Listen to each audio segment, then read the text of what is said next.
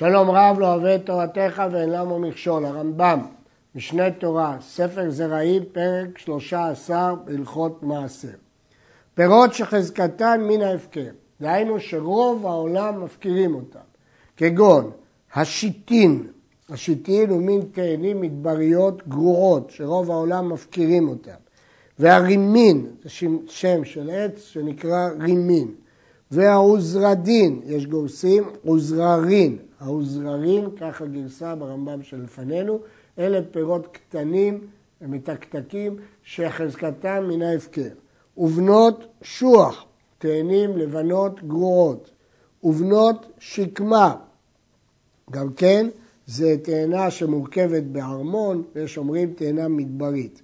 והגופנן, ירק שנקרא שומרה. ונובלות תמרה, מה זה נובלות תמרה? והן שעדיין לא הטילו שאור.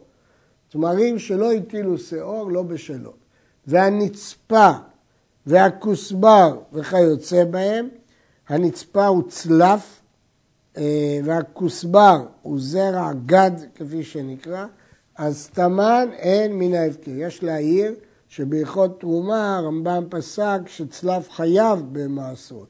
אז ייתכן שפה מדובר בסוג צלף שלא משתמר, ושם מדובר בסוג צלף שדרכו להשתמר. פטורים מן הדמאי, כל אלה, כיוון שחזקתם מן המופקר, הקלו בדמאי, כי זה מין ספק סרקה, ספק שזה הפקר, ואפילו אם זה לא הפקר, זה ישתמר, הרי זה דמאי, אז הקלו בזה.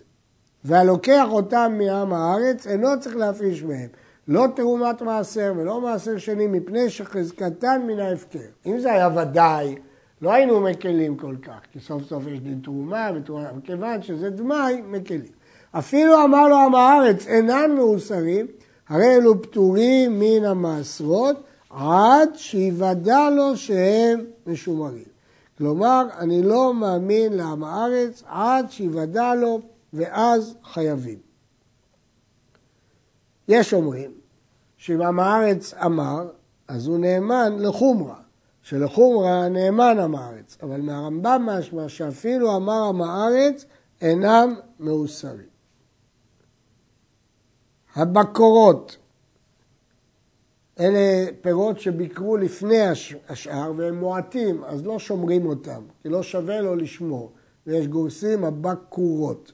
והסייפות, סופי הפירות, שהוא כבר כתב את רוב הפירות, אז אין לו טעם לשמור את המטע בשביל הסוף. שבבקעה פטורים מן הדמאי, כי לא מושיבים שומר מיוחד בשביל פירות כאלה. ושבגינה חייבים, כי גינה בדרך כלל היא שמורה, מפני שהם נשמרים. ואלו הן הבקורות, כל הפירות שביקרו עד שלא הושיבו שומר על הבקעה לשמור פירותיה. עוד לא שמו את השומר, כיוון שהפירות עוד לא הבשילו. והסייפות הן הפירות שישארו אחר שיקפלו המקצועות מן השדות, והניחום בלא שומר. כלומר, יש שלב שכבר קיפלו את המקצועות, דהיינו את התאנים, אה, שומרים את המחצלאות שמקפלים בהם את התאנים, ויש פירושים אחרים, אבל בכל אופן הכוונה שכבר קטפו את כל התאנים, והניחום בלא שומר. אז אם כן, הפירות שנשארו אחר כך על האילן הם בלא שמירה, הם מופקרים. וכן החומץ העשוי מן התמרים, גם החומץ שעשו אותו מן התמרים, ההנחה היא שלא שומרים אותם, זה לא דבר חשוב. יש גורסים, חומץ העשוי מן התמדים. בכל אופן, שרואים את זה כהפקר, ולכן אה, מדמאי לא גזרו על זה, וזה פטור מן הדמאי. כן, יש גרסה חומץ העשוי מן התמרים, ויש גרסה חומץ העשוי מן התמדים. ויש אומרים שהטעם הוא מפני שעם הארץ לא נחשד עליהם. כשגזרו על הדמאי, לא גזרו אלא על פירות הארץ שהחזיקו בה עולי בבל בלבד, שהוא מכזיב ולפנים, וכזיב עצמה כלחוץ, וכל הפירות הנמצאות מכזיב ולחוץ פטורים מן הדמאי. שחזקתן מפירות מקום שנמצאו בו. דעת הרמב"ם בהלכות תרומות שכזיב הוא הגבול לצד צפון, שהחזיקו בו עולי מצרים ועולי בבל, ויש רצועה מכזיב עד הים המערבי, שבה החזיקו עולי מצרים ולא כבשום עולי בבל. על הרצועה הזאת כתב רמב"ם שלא גזרו שם דמאי. ישנם ראשונים אחרים שחולקים, אבל זאת דעת הרמב"ם, שלא גזרו דמי על האזור שלא החזיקו בו עולי בבל. עכשיו, מצאנו שם פירות באזור הזה, אבל אולי הם הביאו אותם מאזור אחר, לא חוששים. חזקתן שהפירות הם מאותו מקום. פירות שידוע שהם מפירות הארץ שהחזיקו עולי בבל. ידוע בוודאות שהפירות האלה גדלים בשטח של עולי בבל, אף על פי שהן נמצאות בסוריה, ואין צריך לומר בארץ שהחזיקו עולי מצרים בלבד, שהן יותר קרובות לארצות האלה, הרי לא חייבים בדמי, כי ברור שיבעו את הפירות האלה מארץ שהחזיקו בה עולי בבל, ומפרישים מהם תרומת מעשר ומעשר שני. לפיכך, הדבלה השמנה שאין כמותה אלא בארץ שהחזיקו עולי בבל, וכן התמרים הגדולים, והחרובים הגדולים השווים, והאורז הלבן ביותר, והכמון הגדול, שברור שגדלים בארץ ישראל, מתעשרים דמי בכל ארץ ישראל ובסוריה, וכן כל כיוצא בפירות אלה, כי אני בטוח ומשוכנע שהם גדלו בארץ שהחזיקו בה עולי בבל. אבל אם לא, אז לא גזרו דמי, כי חזקתם שהם מאותו מקום. אני מדגיש, מדובר על דמי.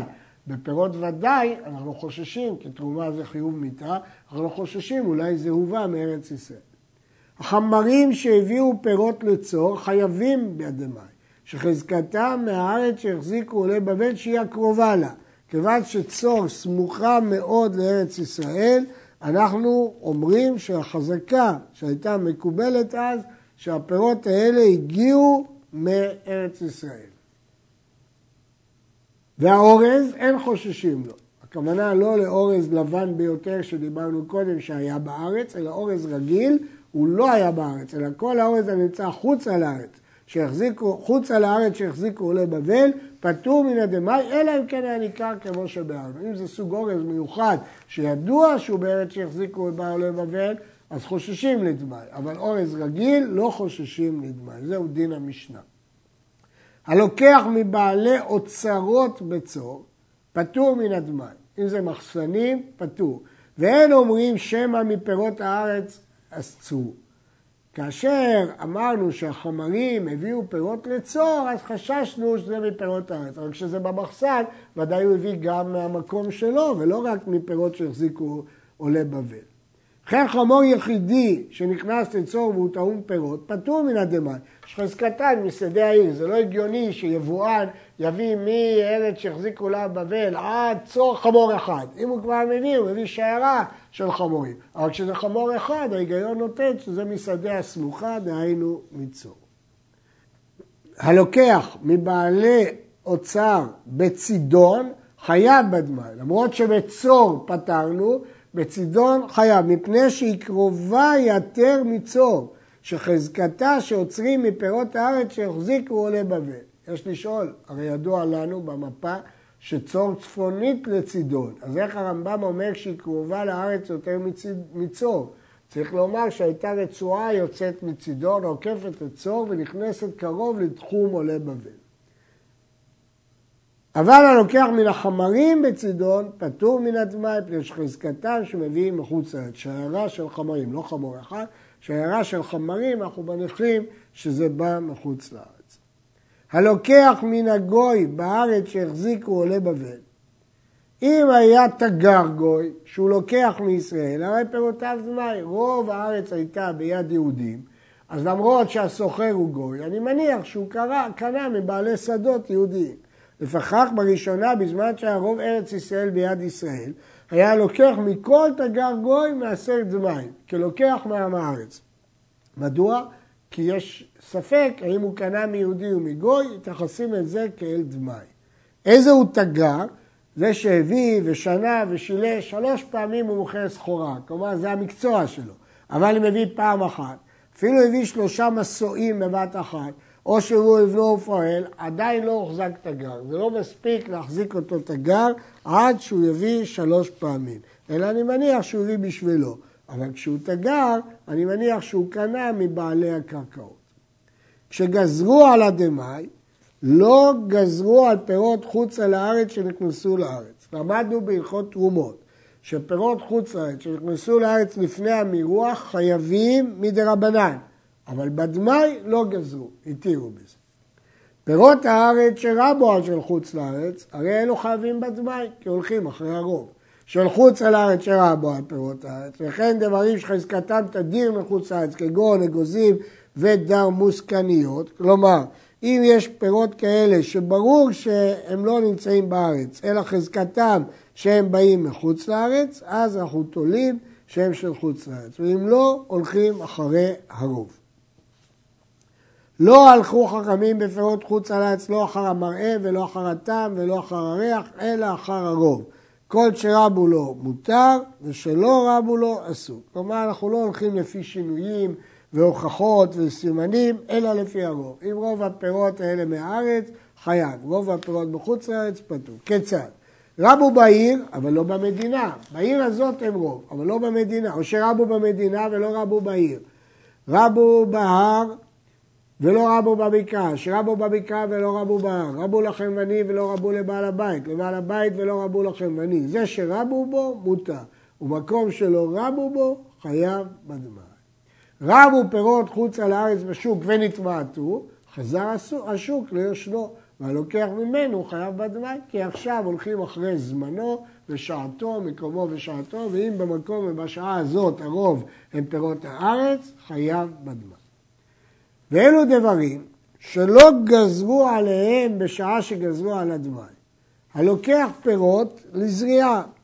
אם הוא קנה פירות לא למטרות אכילה, אלא הוא קנה את הפירות כדי לזרוע אותם. בין דבר שזרוק עליה, בין דבר שאין זרוק עליה, לא גזרו עליו דמי. או להאכיל לבהמה, וכמובן גם לחיה ולעופות. קמח לעורות, הוא לקח קמח כדי לעבד בהם את האורות, פטור מן הדמי. אני מדגיש, כל זה בשדמי, אבל שוודאי אסור אפילו באורות, כי זה הנאה של כילוי. או למלוגמה, או לרתיעה, רפואה שעושים אותה מקמח או מלחם ותאנים ונותנים אותה סמרטוט, רתיעה היא חתיכת בגד שמניחים על פצע, שמן להדלקת הנר או לסוך בו את הכלים, יין לקילור, קילור זה מעין רתיעה שנותנים על העין. וחלת עם הארץ, עם הארץ שהפריש חלה מעיסתו. והמדומה, כבר למדנו שבמדומה לא גזרו מן הדמי, מה זה מדומה? שנתערב תרומה בחולין בפחות ממאה. אצל עם הארץ פטור מן הדמי. והלקוח בכסף מעשר שני, גם כן פטרו אותו מן הדמי. עם הארץ לקח פירות בכסף של מעשר שני, פטור מן הדמי.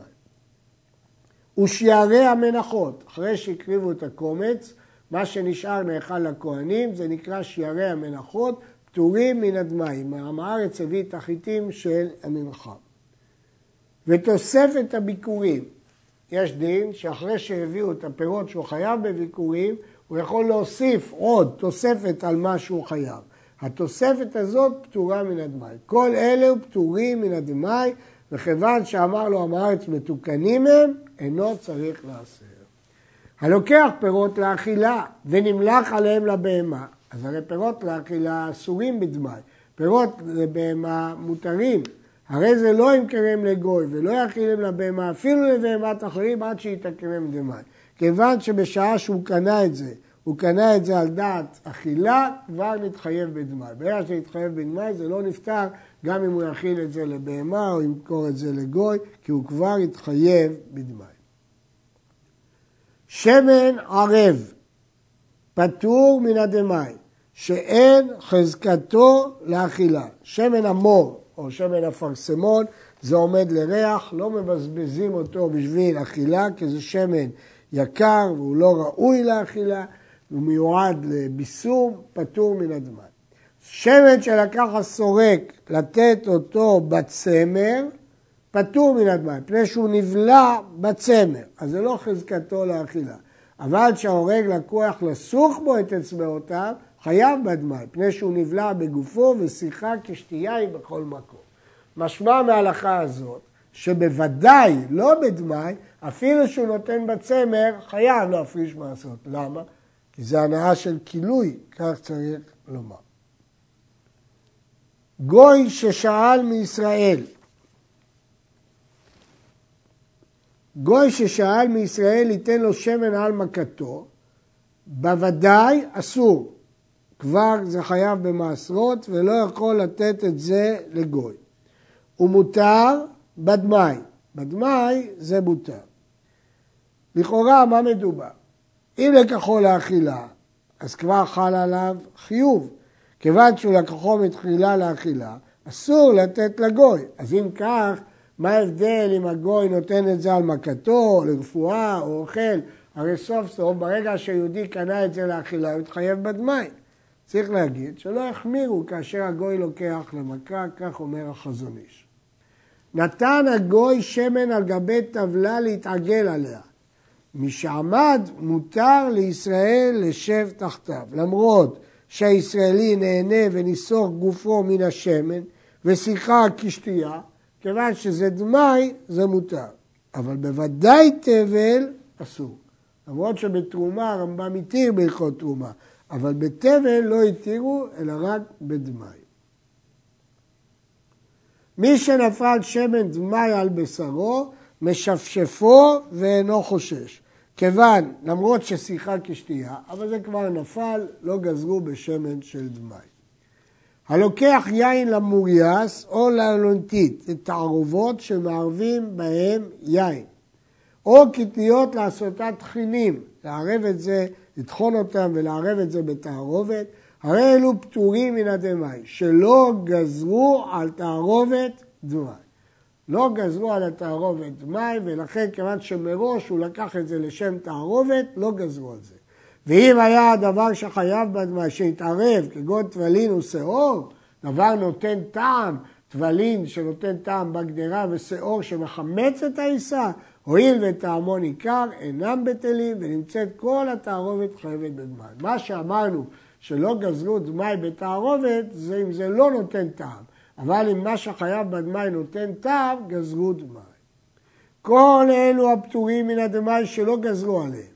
אם התקינם דמאי, והפריש מהם תרומת מעשר או מעשר שני, למרות שחכמים אמרו לו שהוא פטור, אבל הוא קרא לזה שם של תרומת מעשר או מעשר שני, מה שעשה עשוי. כלומר, יש לזה שם של מעשר, מעשר שני, והוא לא צריך להפריש על זה מס, למרות שחכמים פטרו ממעשר.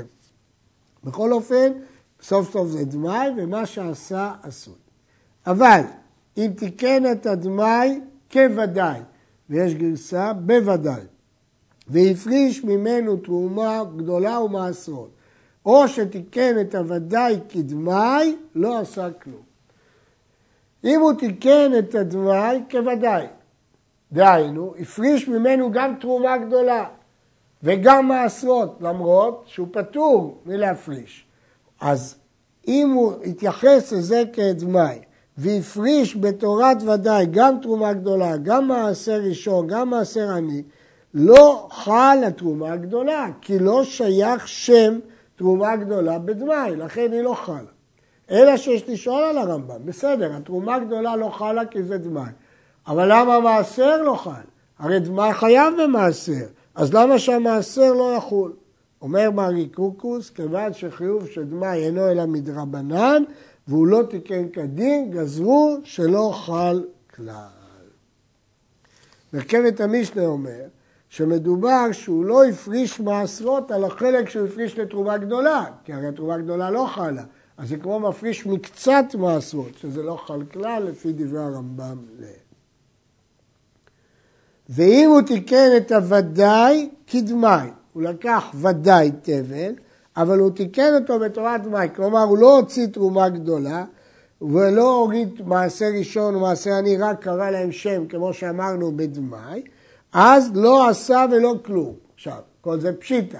תרומה גדולה, בוודאי שזה פשיטה, שזה עדיין תבל, כי אין לזה שם תרומה גדולה, הוא לא הפריש תרומה גדולה, הוא חשב להתייחס לזה כדמאי, אז הוא לא הפריש תרומה גדולה.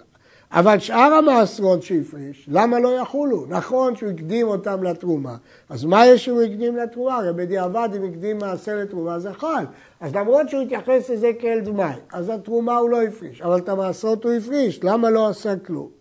צריך לומר שזאת הפרשה בטעות, כיוון שזו הפרשה בטעות, כאילו הוא יודע שזה ודאי, הוא היה מפריש קודם תרומה.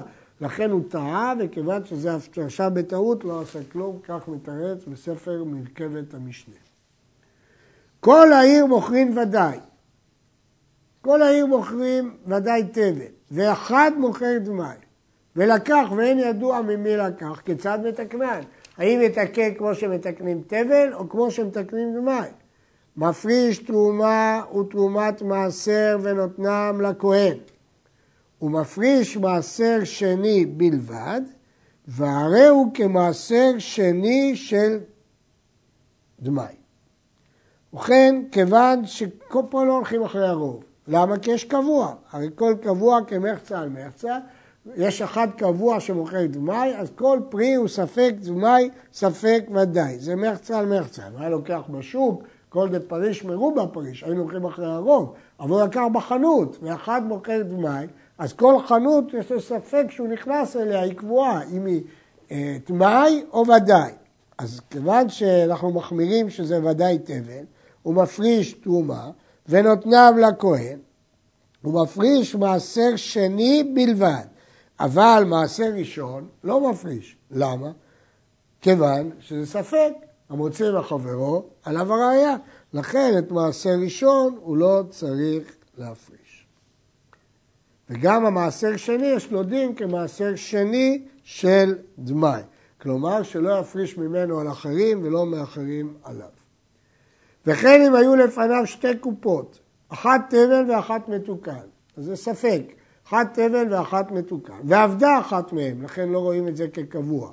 אז אנחנו לא יודעים מה השנייה. הרי זה מפריש מן השנייה, תרומה גדולה או תרומת מעשר, כי זה ספק תבל, ונותנה לכל כהן שירצה, הוא מפריש מעשר שני בלבד, כדמי, אבל מעשר ראשון הוא לא צריך להפריש, כי המוציא מחברו עליו הראיה, כמו בכל דין ספק.